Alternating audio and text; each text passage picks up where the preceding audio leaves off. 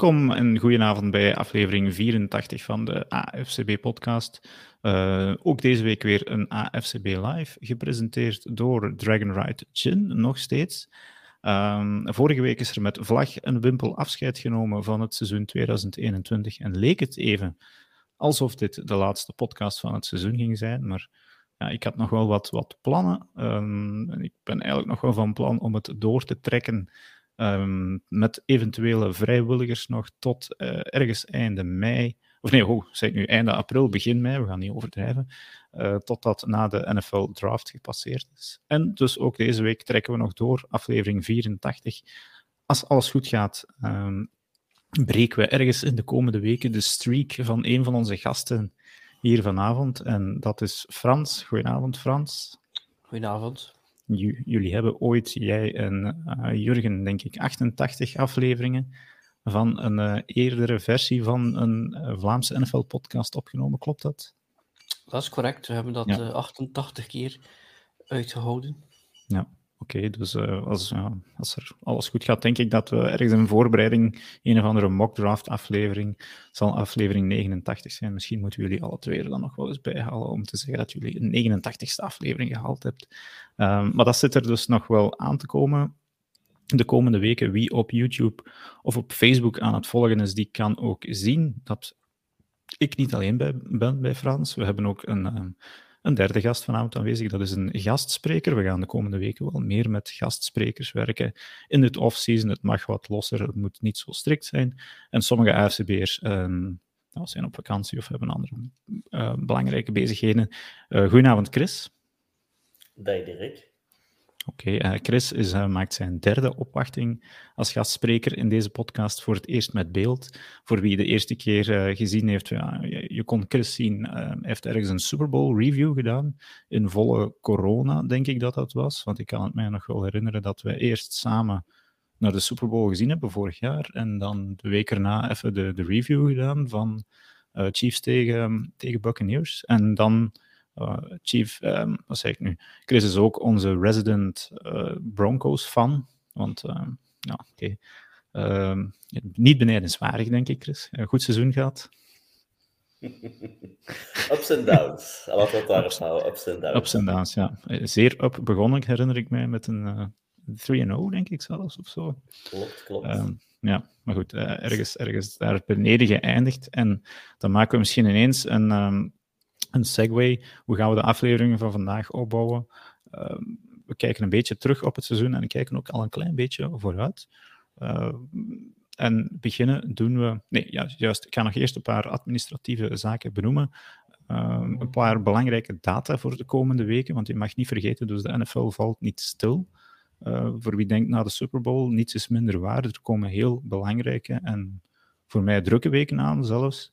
Want wat, zit er, um, wat is er nu al aan de gang? Dat is de, de franchise tag. Die is uh, in gang gegaan. Dus clubs kunnen vanaf deze week um, spelers de franchise tag geven. Tot op dit moment, en we nemen dit woensdagavond op, heeft er nog geen enkele speler die tag ontvangen. Maar um, Frans, kan jij misschien nog eens heel kort uitleggen wat een franchise tag juist is?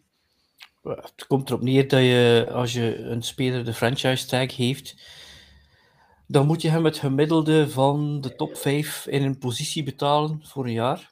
Ja. Je kan die tag ook twee keer aan een speler geven. Je hebt uh, ook bepaalde, er zijn verschillende soorten franchise tag. Uh, waarbij bij de ene kan het zijn dat als een ander een tegenbod doet, dat je daar dan een first round pick moet voor krijgen. Dus zit er wel een soort uh, ingewikkeldheid weer in, wat zou de NFL niet moeten zijn. Maar wat dat er belangrijk is, is dat je eigenlijk um, ja, niet iemand een lange termijn contract heeft, maar wel voor een mhm. jaar. In principe, een tijdje geleden werd dat gezien als een soort affront. dus uh, spelers die in hun eerste contract waren en topspelers waren of tweede contract, die wilden absoluut een lange termijn uh, contract. Maar sinds uh, Cousins is dat natuurlijk veranderd. Kirk Cousins die heeft twee of drie keer die franchise tag gekregen, heeft dan een mooi contract gekregen. En blijkbaar nu zijn er toch wel spelers die daar niet zo mee in zitten. En wat er ook veel gebeurt, is dat spelers dan als ze een jaar een franchise tag krijgen, dat ze meestal het jaar daarna wel een mooi contract krijgen. Maar natuurlijk, Mhm. je hebt geen bescherming, omdat je niet ja, een contract hebt voor langere jaren. En dan moeten we er ook bij zeggen dat die contracten in veel voor langere jaren, daar is bijna niets dat vast ligt, tenzij de, de signing bonus. Ja. Dus ja, als je, als je leest 100 miljoen dollar contract, ja, meestal is dat dan een signing bonus van 30 en dan over zoveel jaren een contract, maar dat is allemaal eh, to be voided, dus Ja, bij de franchise tag is inderdaad alles gegarandeerd. Dus stel, ze geven die speler de tag en die maar breekt alles daarna... gegarandeerd, maar wel één Ja. jaar.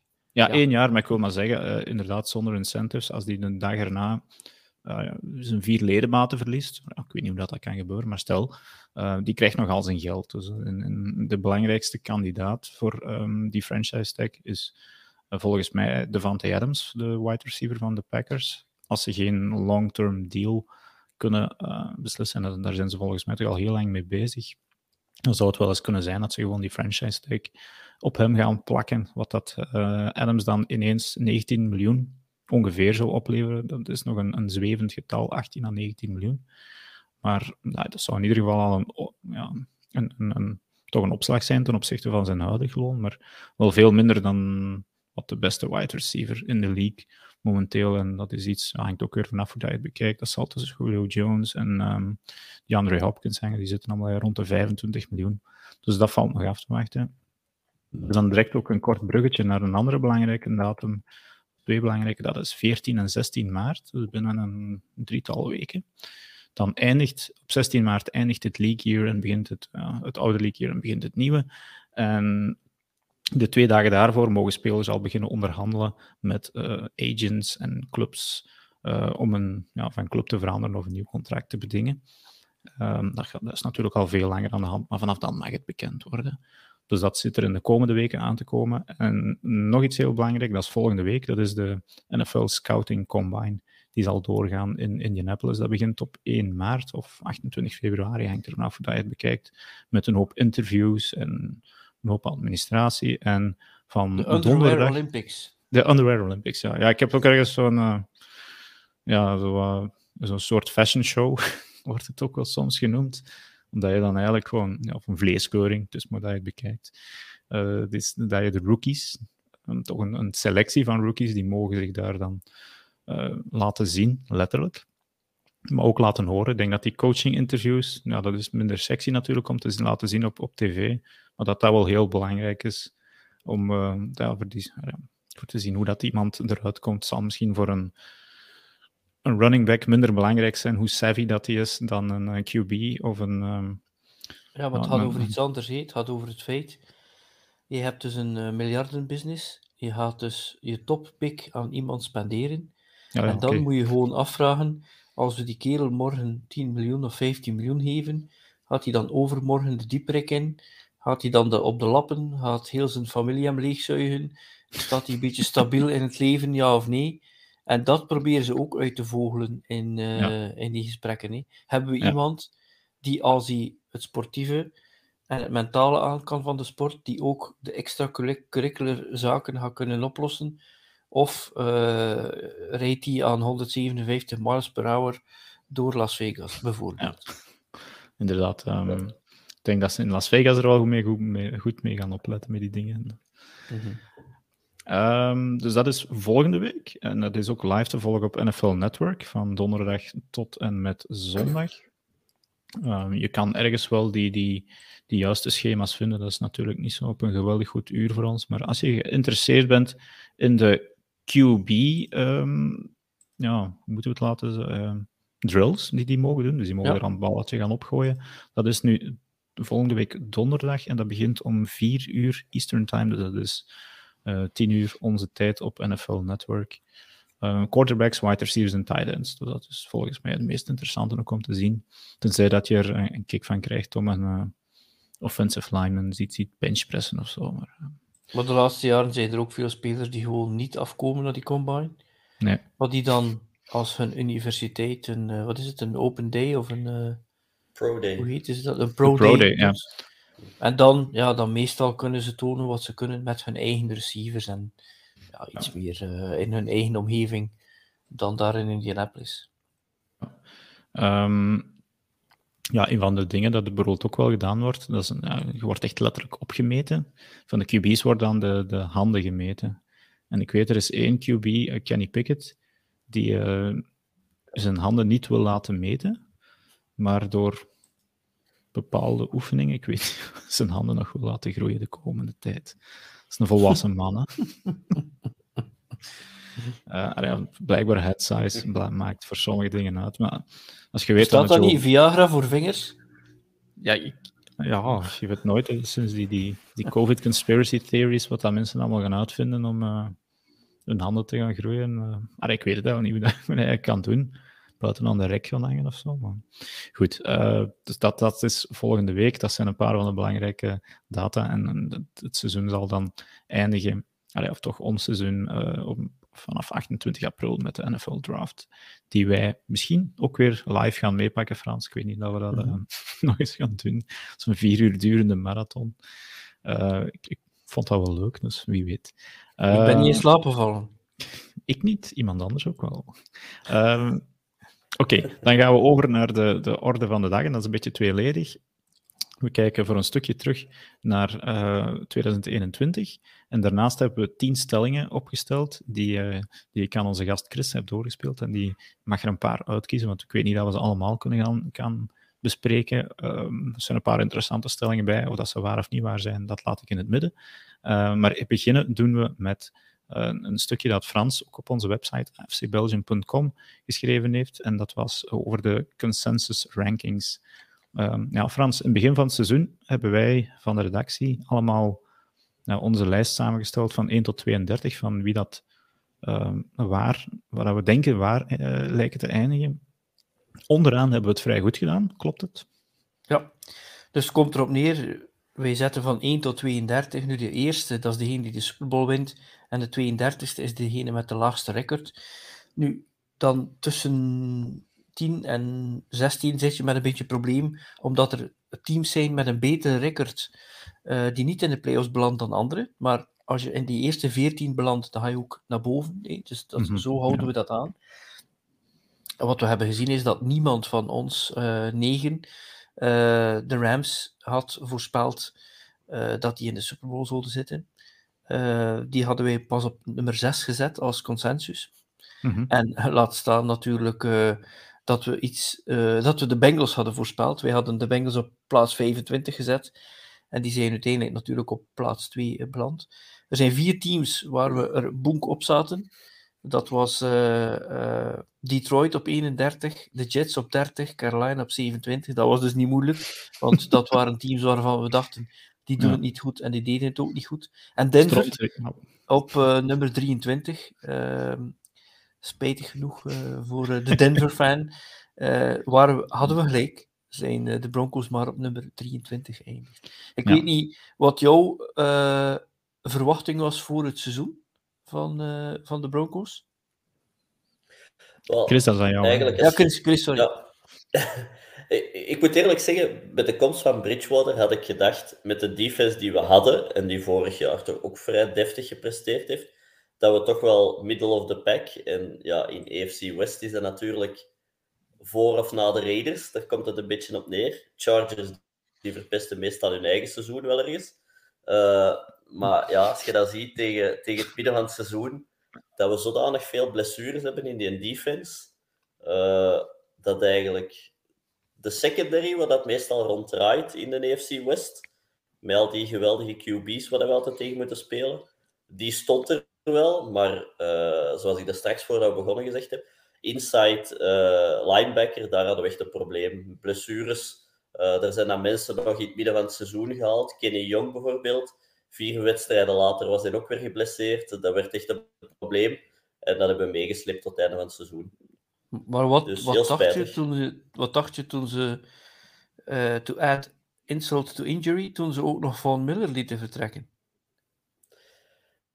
eerlijk gezegd, hoe geweldig ik Von Miller ook vind, ik denk dat zijn salaris op dat moment niet meer in verhouding stond tot wat het hem de laatste drie jaar bij de Broncos heeft gepresteerd. Als je kijkt naar blessures en als je kijkt, ja, we hebben een, we hebben een, een deftige vervanger met Bradley Chubb.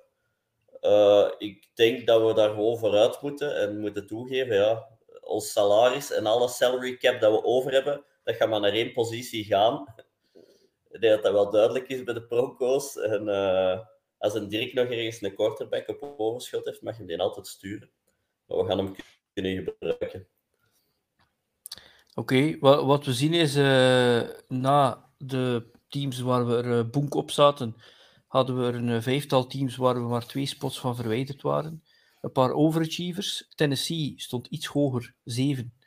En wij hadden die op 9 gezet. Atlanta stond ook iets hoger, 22. Wij hadden die op 24 gezet.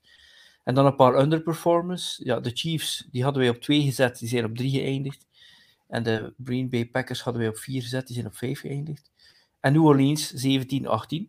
Dan hadden we 11 teams middle of the pack, kunnen we maar zeggen, waar we drie of vijf plaatsen verkeerd hadden. Maar dan zijn er een paar teams die ons positief hebben verrast. Wij dachten dat New England op de 18e plaats ging eindigen. En uiteindelijk zijn ze 12e geëindigd. En dat is een playoff plaats. Omdat wij natuurlijk dachten, ja, Cam Newton, uh, rookie quarterback, dat zal waarschijnlijk niet zo goed gaan. Maar dat is dan toch veel beter afgelopen. Pittsburgh is dertiende geëindigd. Die hadden wij ook op 19 gezet.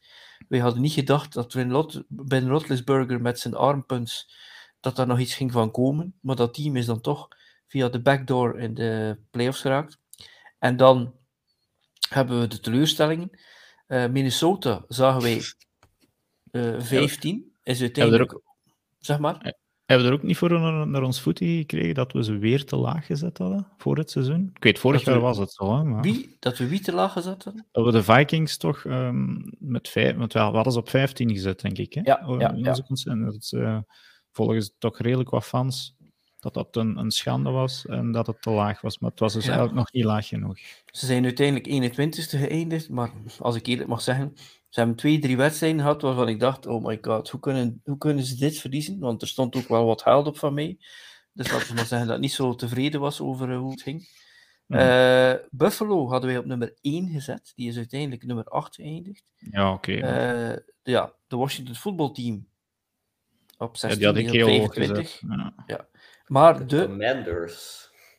Ja, de, de Commanders. ja, maar de... Maar, de, de, de, de, de, zeg maar, de, ja. Nee, maar bij Washington moet het toch ook... Er moet rekening mee want ik had die vrij hoog gezet. Ja, um, Fitzpatrick heeft er geen wedstrijd gespeeld. Hè. Juist. En die, dat was ja. toch... Ah, moet je en die Jong, die heeft zich ook geblesseerd. Dat is ook een topspeler. Ja. Maar, maar de teleurstelling, volgens ons, zie je wel, is dat wij uh, de Chargers op nummer 10 hadden gezet.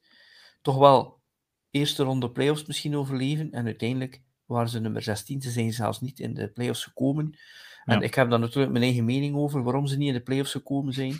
Dat is hmm. niet uh, dank, dat is dankzij, dat is ondanks de coach. Hè. Game management. Dus, uh, ja, game management, ja. Nu, dan zijn er een paar uh, kleppers waar we de bal volledig hebben misgeslagen.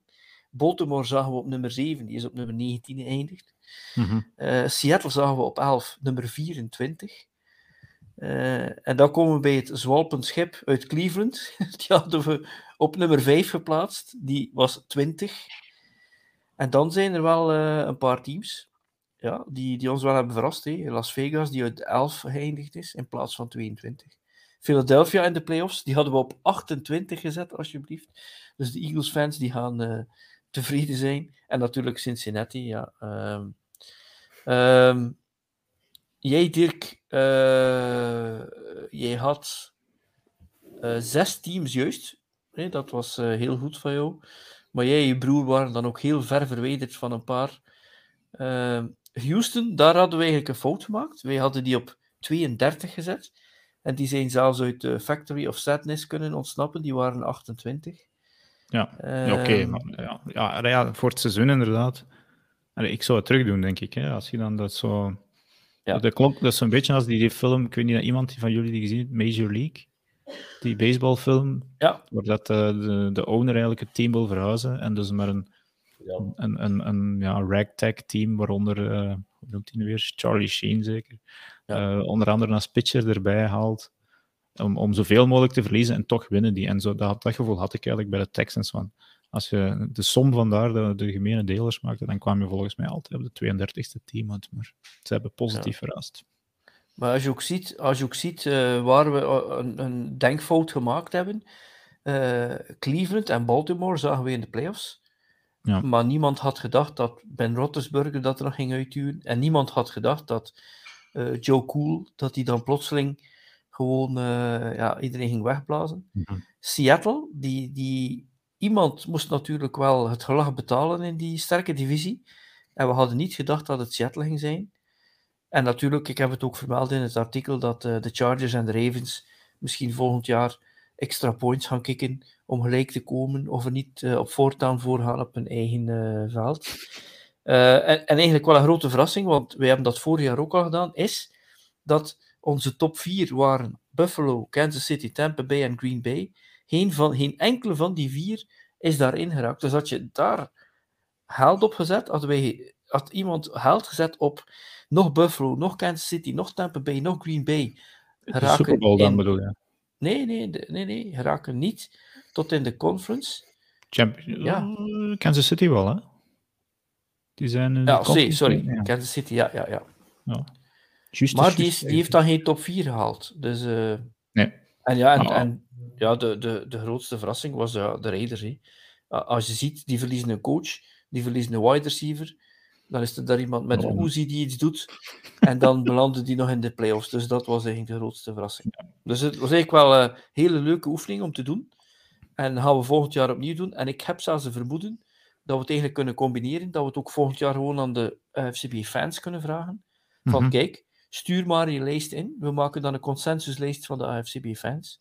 We leggen die naast ons en dan zien we Ja. eh, als ze beter zijn dan ons of niet. hè. Als dat top 32 gaan zijn, gaan we wel een jobstudent mogen zoeken, denk ik. Want dat is wel een... eh, Alhoewel, ja, met Excel kan je eigenlijk al...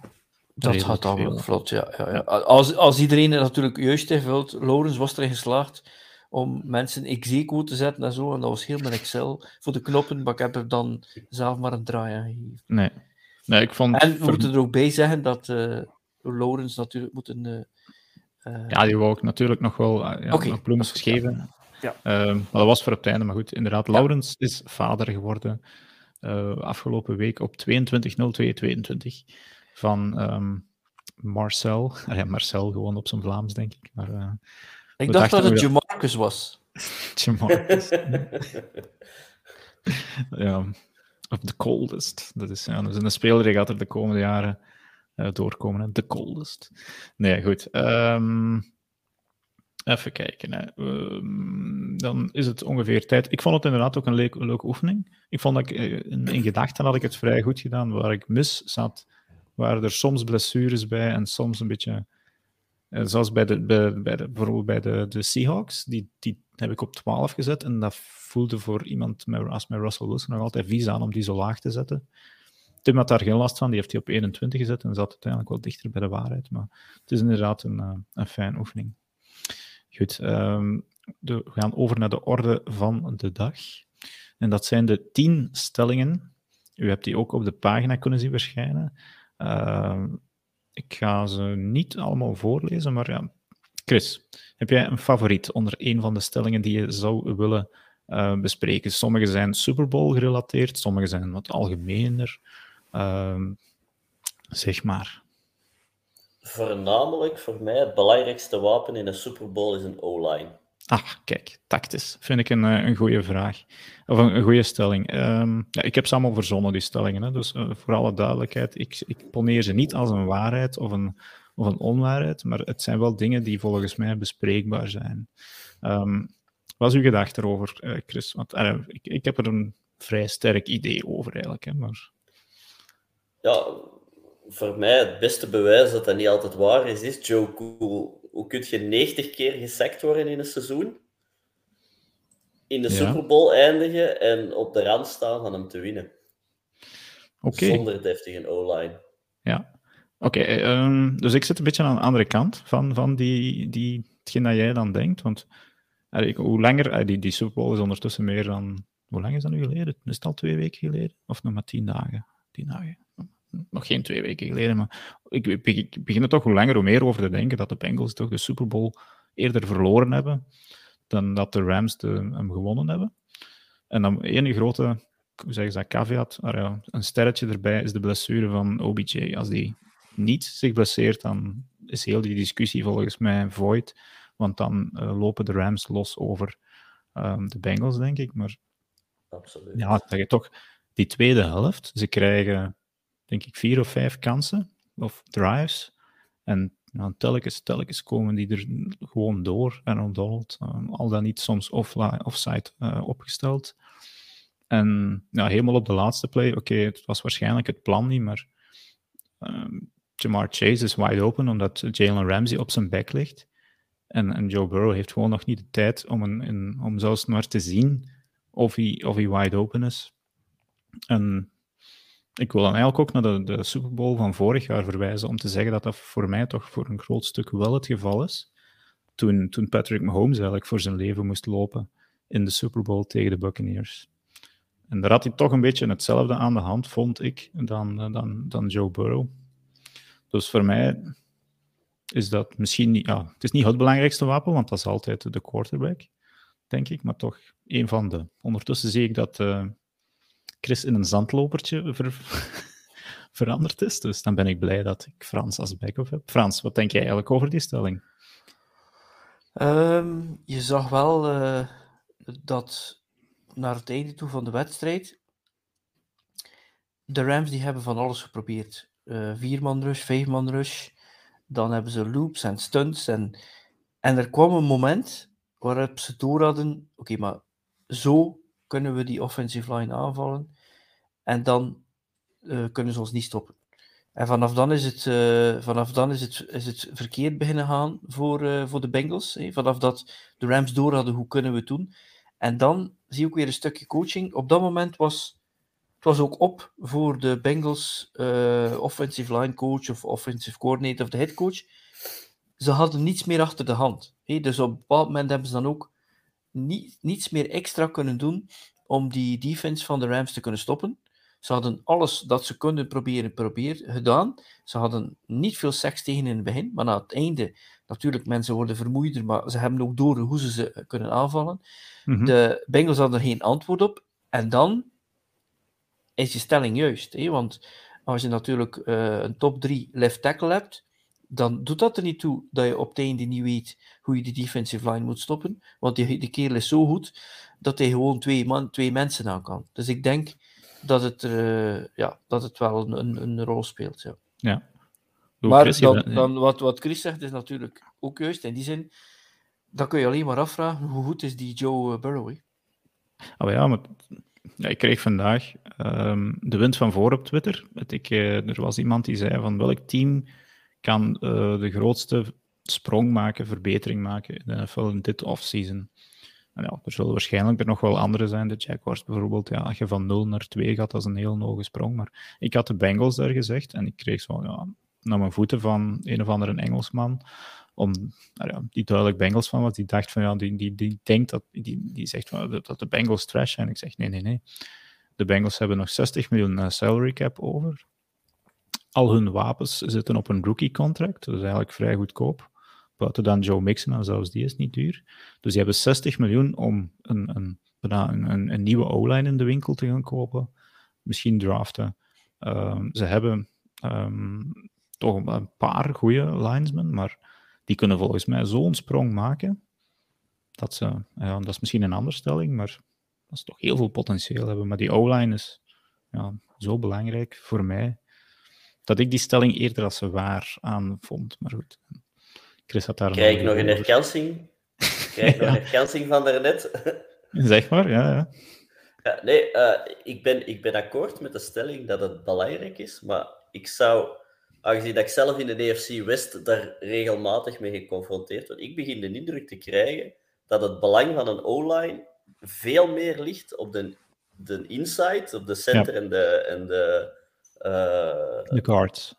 De, de guards, niet, niet zozeer op de tackles. Omdat je um, in, in pass-heavy uh, divisions, zoals in de EFC West, ziet je dat ze bijna in gaan spelen op een blitz of op een zero blitz. En er gaat altijd één edge rusher eerder aan de QB zijn. En dan zie je gewoon dat QB's zoals een Mahomes uh, zoals een, uh, een, een Joe Burrow, dat die in staat zijn om gewoon uit de pocket hun play te extenden en uiteindelijk toch nog hun vrije receiver te vinden, ook al zijn dat post routes en hele lange uh, plays die enorm lang duren om te, om te ontwikkelen. Maar ik, ik vraag mij soms af of de offensive coordinators daar niet gewoon op plannen.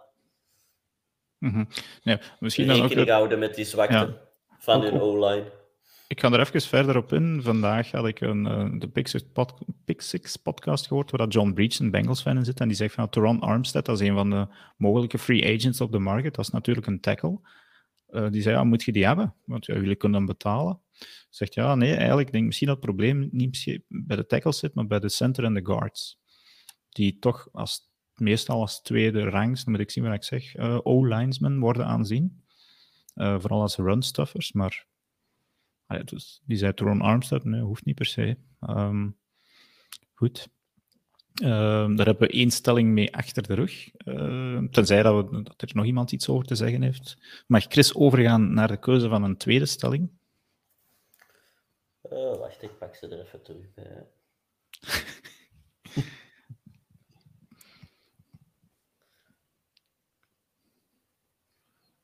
kan ze ook in beeld brengen als je wil, Chris, want ik heb ze ergens wel staan.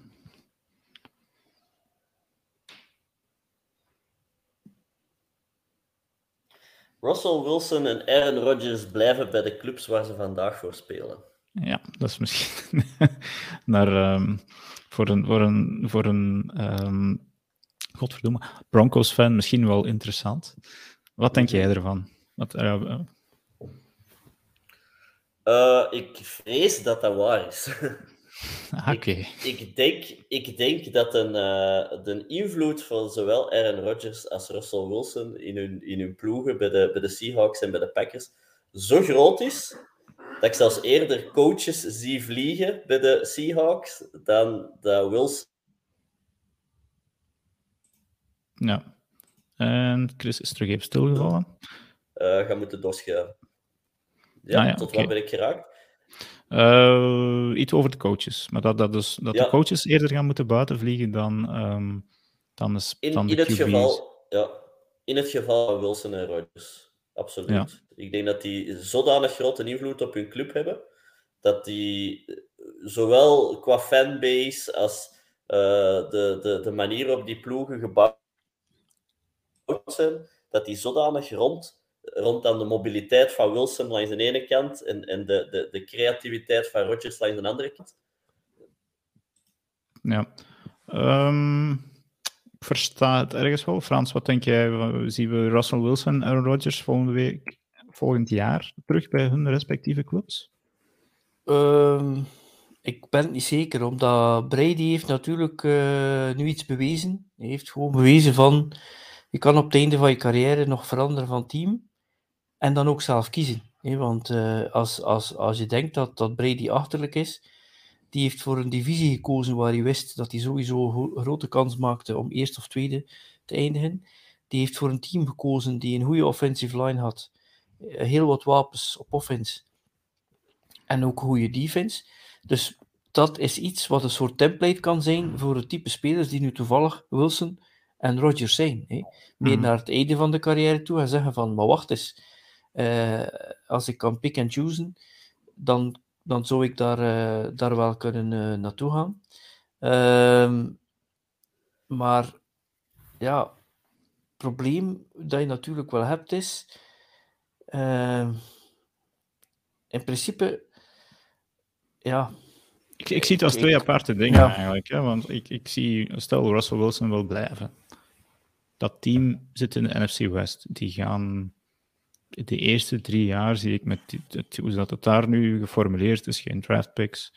Uh, ik ga het geen zootje ongeregeld noemen, want er zit wel wat talent bij elkaar. Maar je ziet hoe dat het dit jaar geëcht is. En ze hebben, oké, ze hebben een aantal wedstrijden zonder Russell Wilson moeten spelen, maar Geno Smith heeft er volgens mij één of twee gewonnen zelfs. Um, ik denk dat enkel Aaron Rodgers en de Packers nog kunnen zeggen: we gaan het toch nog één keer proberen. Um, met het team dat ze nu hebben, er zitten een paar van die mannen op het einde van hun contract, maar ik denk, ja, in, in het Engels... dan moet je het zo zien. Dan moet je het zo zien, hè. Je moet gewoon denken, alle, alle, alle twee willen nog een keer de Super Bowl winnen. En dat zou het eigenlijk heel dwaas zijn van Rodgers om te vertrekken van de Packers. Met, Mhm. dat, soort, met dat team. Maar, maar, maar Wilson, die moet toch rondkijken in zijn team en denken van, ja, ik Ja, weet nee. het zo niet. En er zijn wel eh, teams die wapens hebben en die al maar één stap verwijderd zijn van bijvoorbeeld bij de top vier teams eindigen. En dat is een top quarterback. En dat is hij wel. Oké, dan ga ik misschien een sprongetje maken naar. ehm, ja, Chris. Een van ah ja, de- die teams die, die een QB away zijn, er zijn er eigenlijk niet zoveel. Hè. Zo Twee jaar geleden de Tampa Bay Buccaneers. Zijn de Broncos een QB away? Ik vind van wel. Oké. Uiteindelijk, als ik, als ik, als ik kijk Oh ja. naar de offensive weapons, eh, en ik zou zeggen, vorig jaar misten we nog een belcow running back. Maar ik denk, voor de mensen die af en toe, eh, wat is het, ehm, Good Morning Football, eh, de, de, de jij scepter kijkt van de al, Angry ja. Run. Ja. Ja. Javante Williams van de Broncos, ik denk wel dat we, dat we een, een belcow hebben voor, eh, Mhm. voor dit seizoen. Toppertje. Absoluut, absoluut. Een tacklebreaker eerste klas. En hoeveel aandacht dat er ook naar goede tight ends en goede receivers gaat. Ik denk, een, een, een goede running back haalt al veel weg van, van eh, een mediocre quarterback zoals een Teddy Bridgewater. Ehm, maar ja, uiteraard, ja, Aaron Rodgers of Russell Wilson naar de Broncos. En, en we spreken over een andere division. En, en we spreken over een andere playoff picture. Hè. Eh, Ja. Dus En ja, in eh, principe, en in principe, Dirk, wat je hier vraagt, dat linkt een beetje aan een van je stellingen. Je had de stelling, de NFC West was in 2021 de sterkste conference en zal dat ook zijn in 2022. Wel, Ja.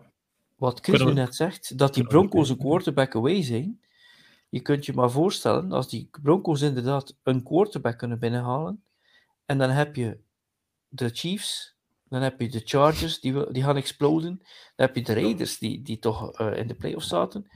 Dan zou het wel eens kunnen zijn dat deze divisie eh, de NFC West gewoon overneemt. hè. De AFC West, dat die dat doet. En zeker als de Broncos hun quarterback kunnen hebben. Als, als dat gebeurt, ja, dan, dan moet je gewoon iedere week AFC West eh, wedstrijden proberen te bekijken.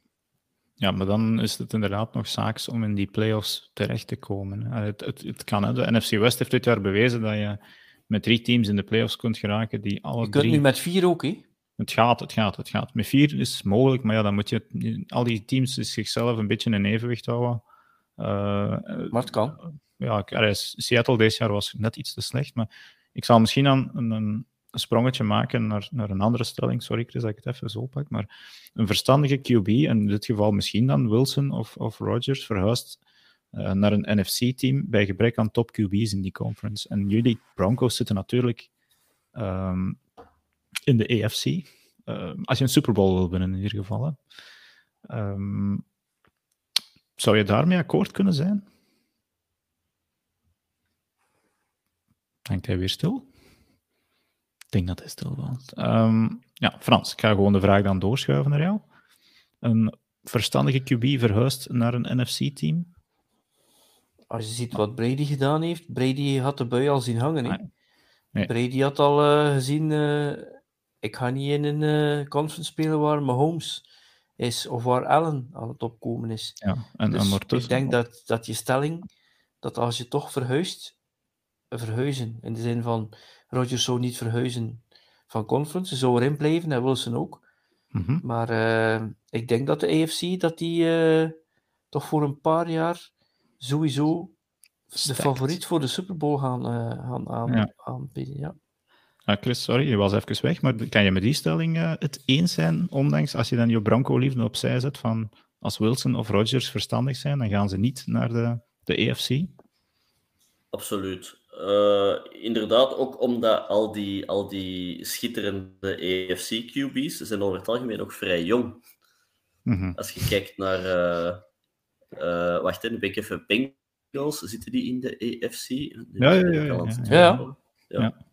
Dus eh, eh, Bengals hebben een jonge quarterback. Ja, Ravens uiteindelijk ook. Eh, de Chargers, eh, de Chiefs. Uiteindelijk zijn allemaal Bills. Uiteindelijk zijn allemaal nog relatief jonge uh, quarterbacks. De Patriots ook onder, ondertussen. Dus, Dolphins, Jets ja, ook. ik denk dat... Ja. Dolphins Nee, is dat- natuurlijk nog te zien hoe dat, dat verder gaat evolueren. Hè? Ja. Maar hij is jong, hij is jong. En dan ga ik misschien even naar een, Absoluut, een, kijk- absoluut. Ja. een kijkersvraag. Die Peter de Stoop, die duidelijk een Steelers-fan is, die zegt: Wie zien jullie als opvolger van Big Ben? Eh, helaas ook een EFC-team.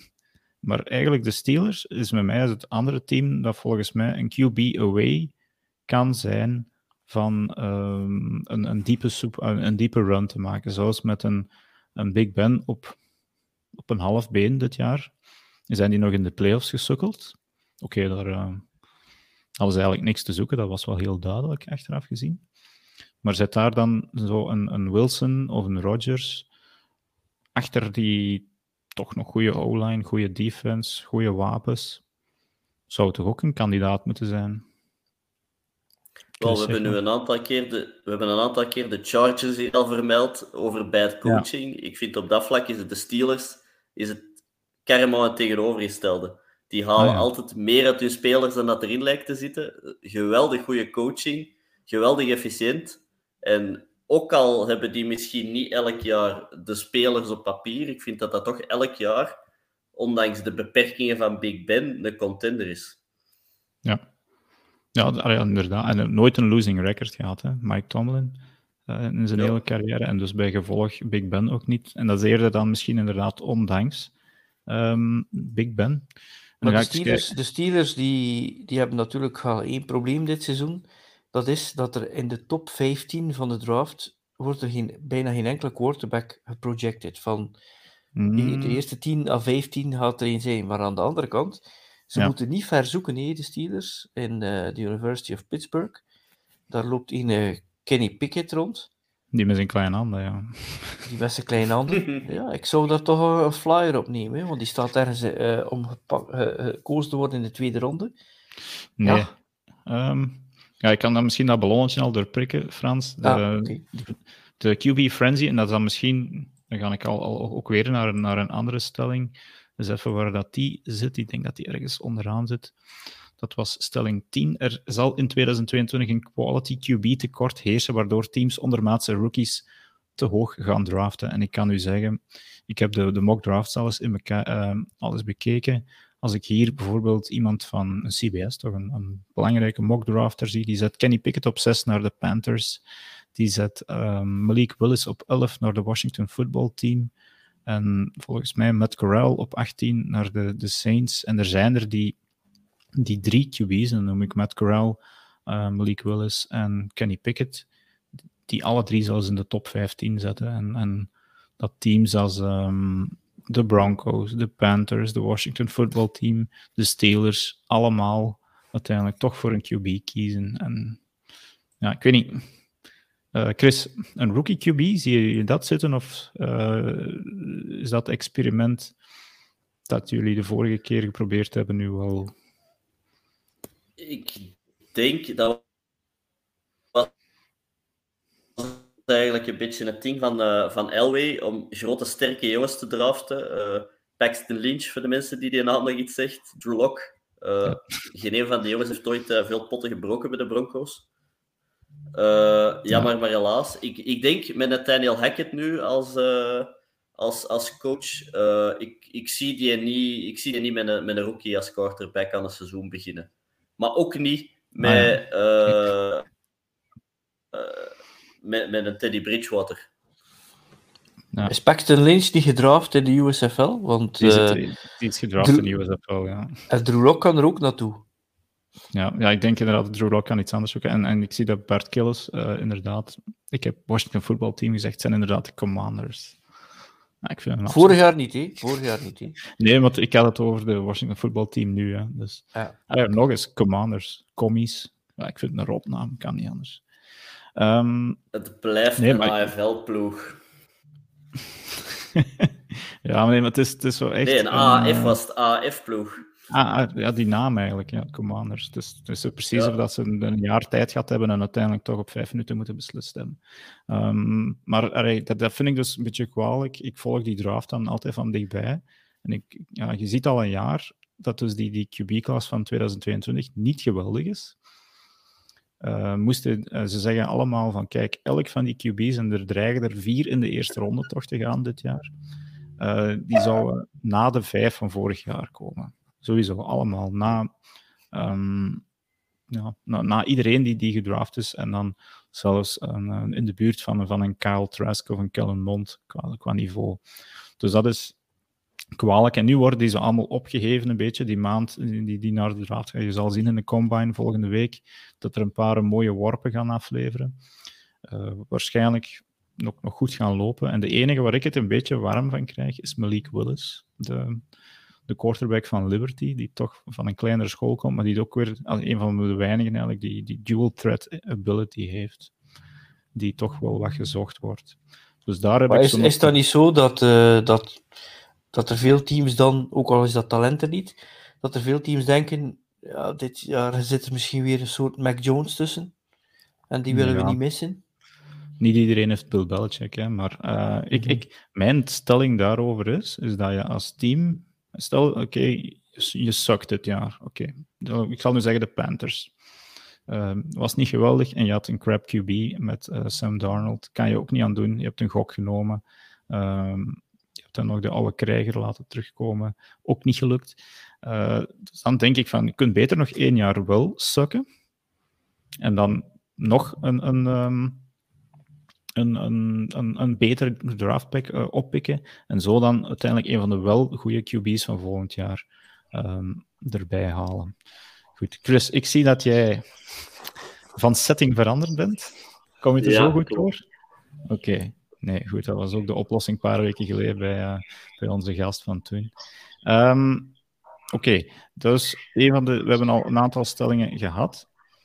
Ehm, misschien nog eh, een vraag van Bart Kils. Ik denk dat veel clubs hopen dat de Sean Watson available gaat zijn.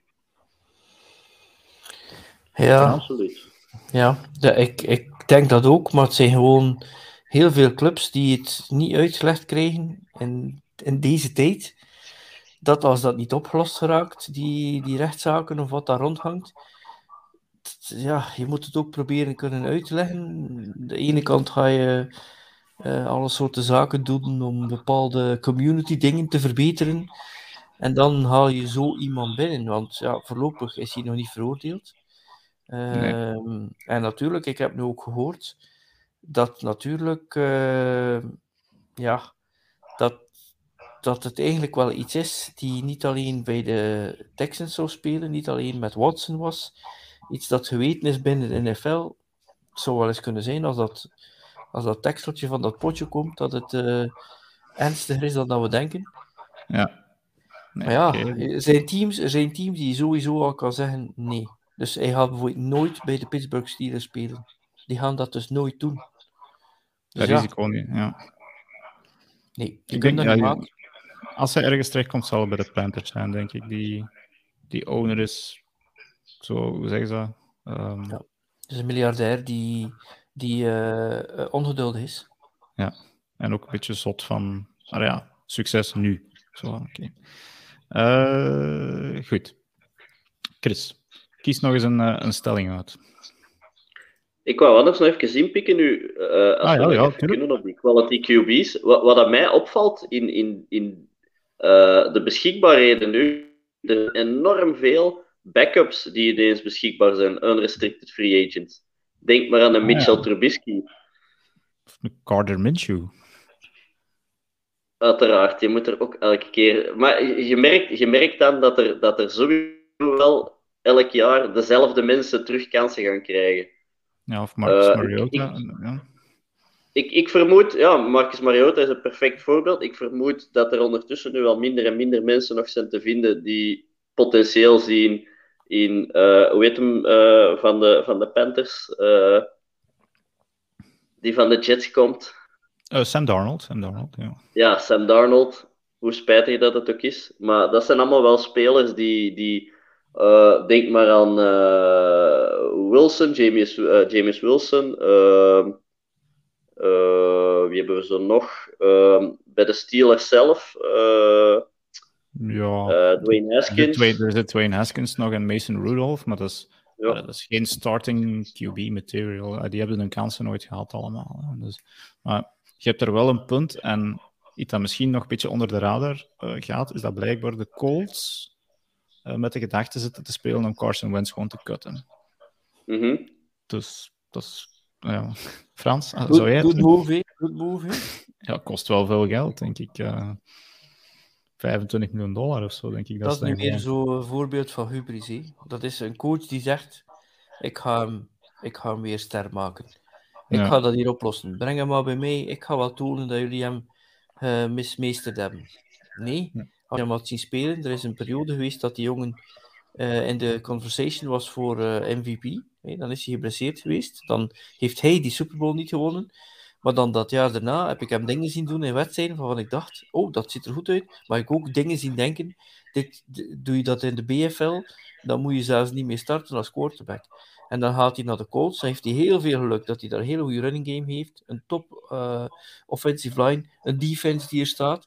En hij is persoonlijk verantwoordelijk geweest voor sommige wedstrijden die ze verloren hebben.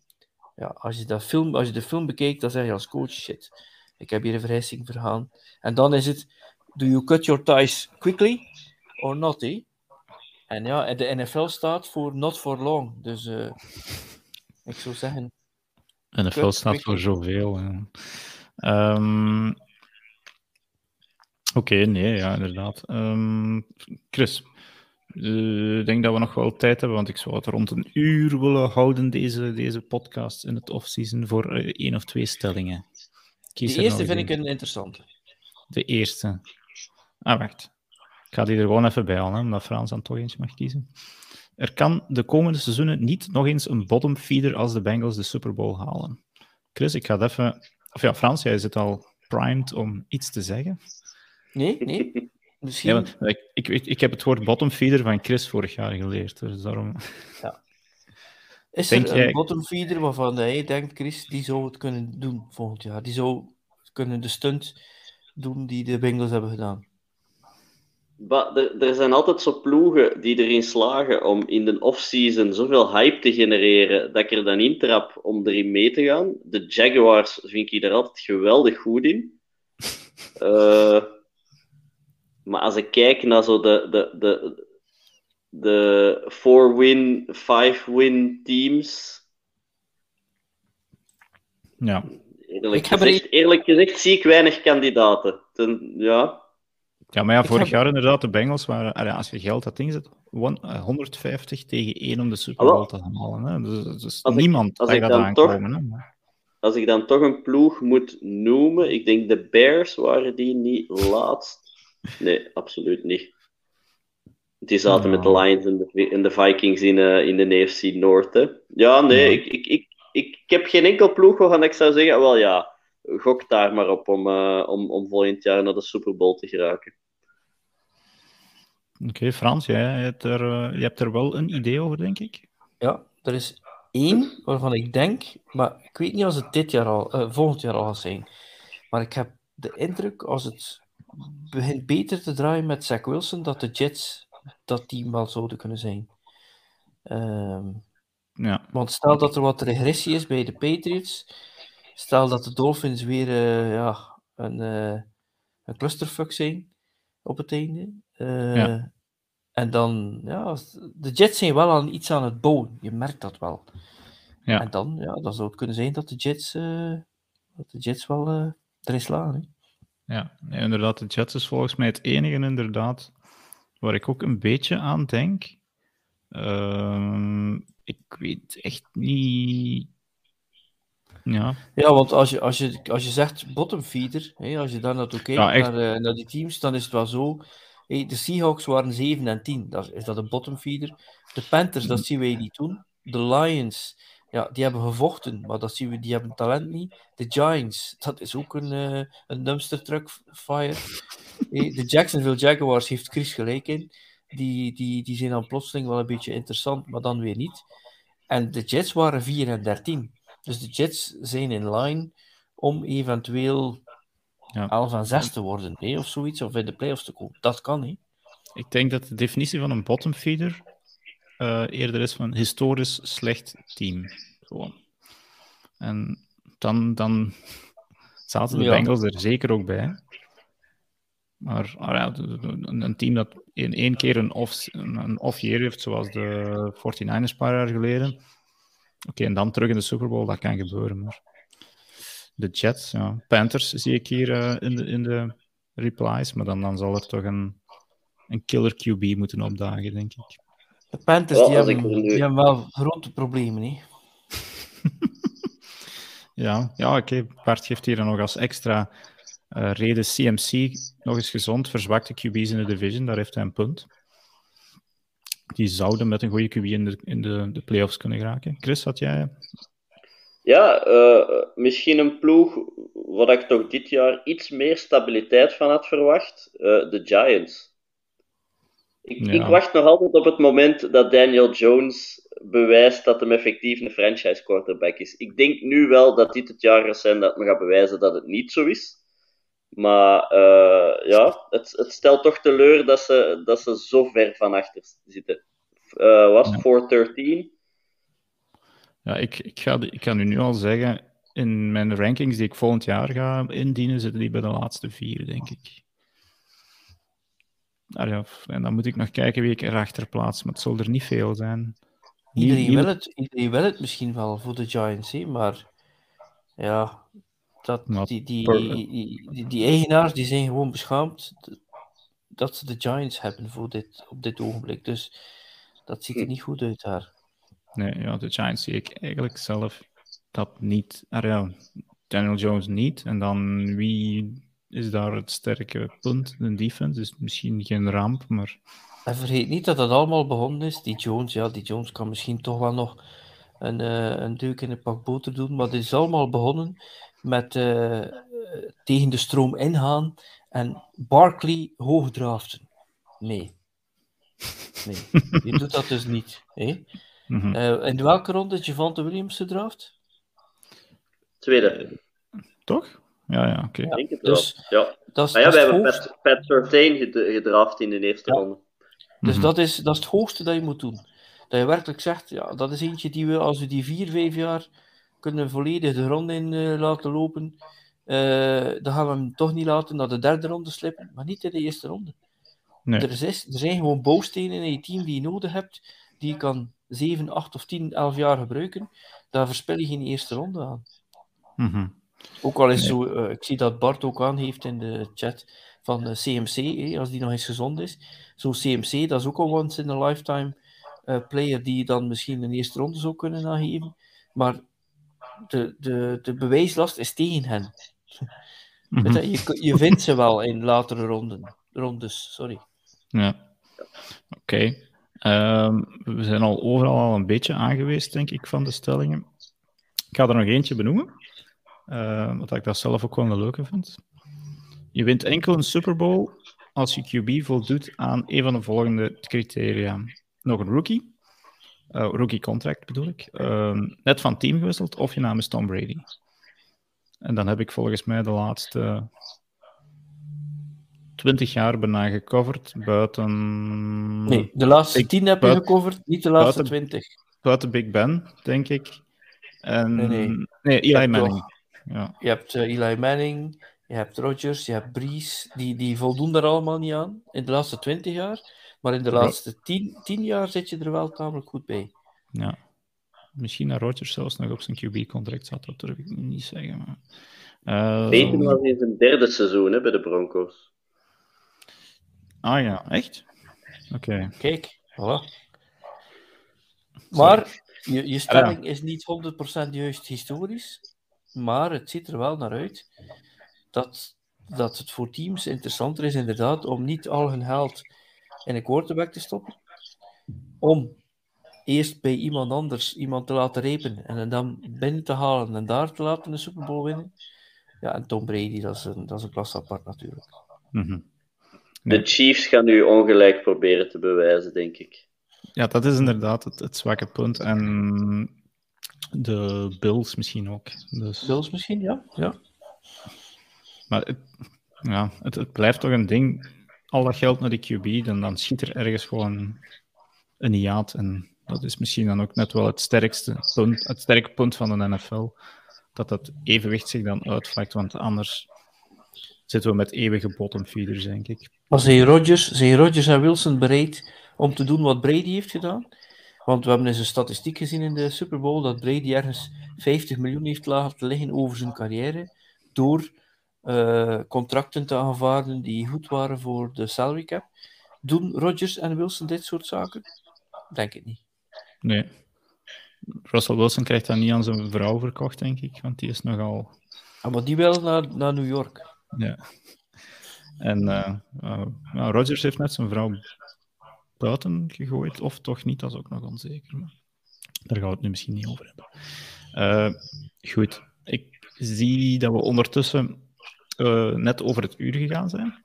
En ik zei, ik wil die off-season podcast een beetje kort houden. En we zaten ook met een paar technische problemen vandaag. Er was hier uh, nog een vraag van uh, Jeff van als uh, oh, sorry. Wat, wat zijn drie first round picks waard was. En nee.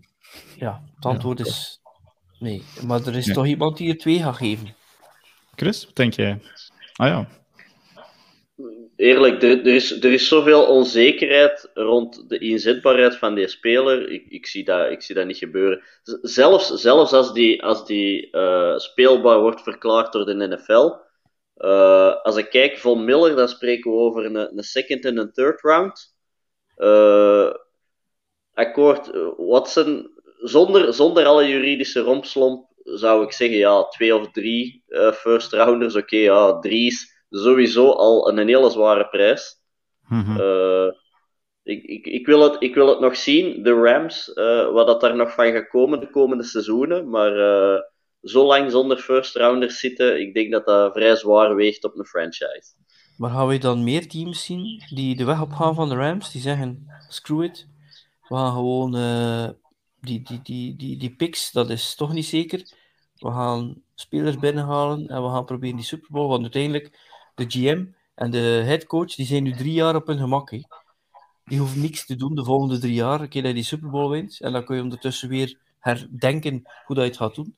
Maar er gaan nog andere teams zijn die zeggen: ja, dat, dat is misschien de way to go. Hè.